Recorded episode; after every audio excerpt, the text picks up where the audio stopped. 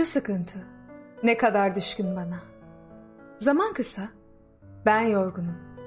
Yol uzun, gece uzun. Uyku yoğun, düşünce.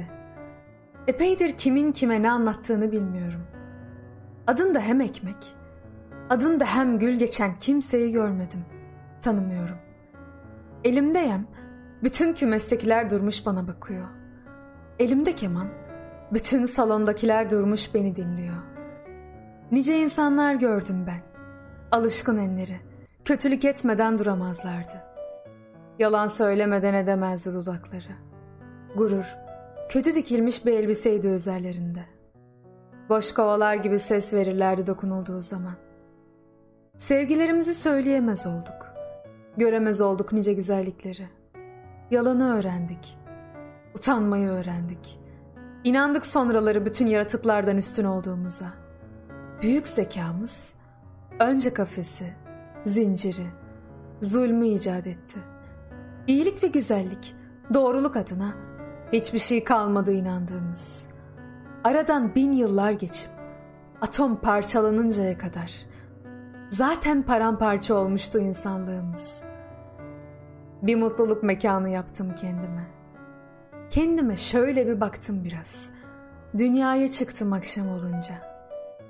Kendimi aldım, andım kendimi. Gökyüzü henüz bulut kesmişti. Birkaç kandil yaptım gereksiz. Titrek ve dingin. Hafifçe geri öteledim şehri. Öptüm, özür diledim. Bazen aklıma takılıyor. Yani hep böyle, hep aynı yerde.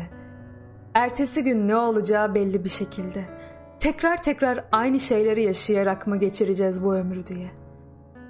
Her şey iyiye gitmeli. Çünkü bu kötü şeyleri boşuna yaşamış olamam. Bilsem hangi dert özlüyor beni. Hangi dağ ayakta zor duruyor. Gözümü açsam ve görmesem kimseyi. Kaç yaşındayım bilmiyorum. Kaç yaşındaysam milyonlarca kez fazla yorgunum. Aydınlığa koştum. Karanlık çıktı. Güç bela ben. Bana vardım dün gece. Hiçbir mutluluk acım kadar samimi ve devamlı olamıyor. Her nereye baksam karşımda duran ya yıkanmış sevap ya kirli günah. Biraz azim, biraz gayret derim, delinir karanlık. Sabret derim. Şanlı talihim döner, elbet derim.''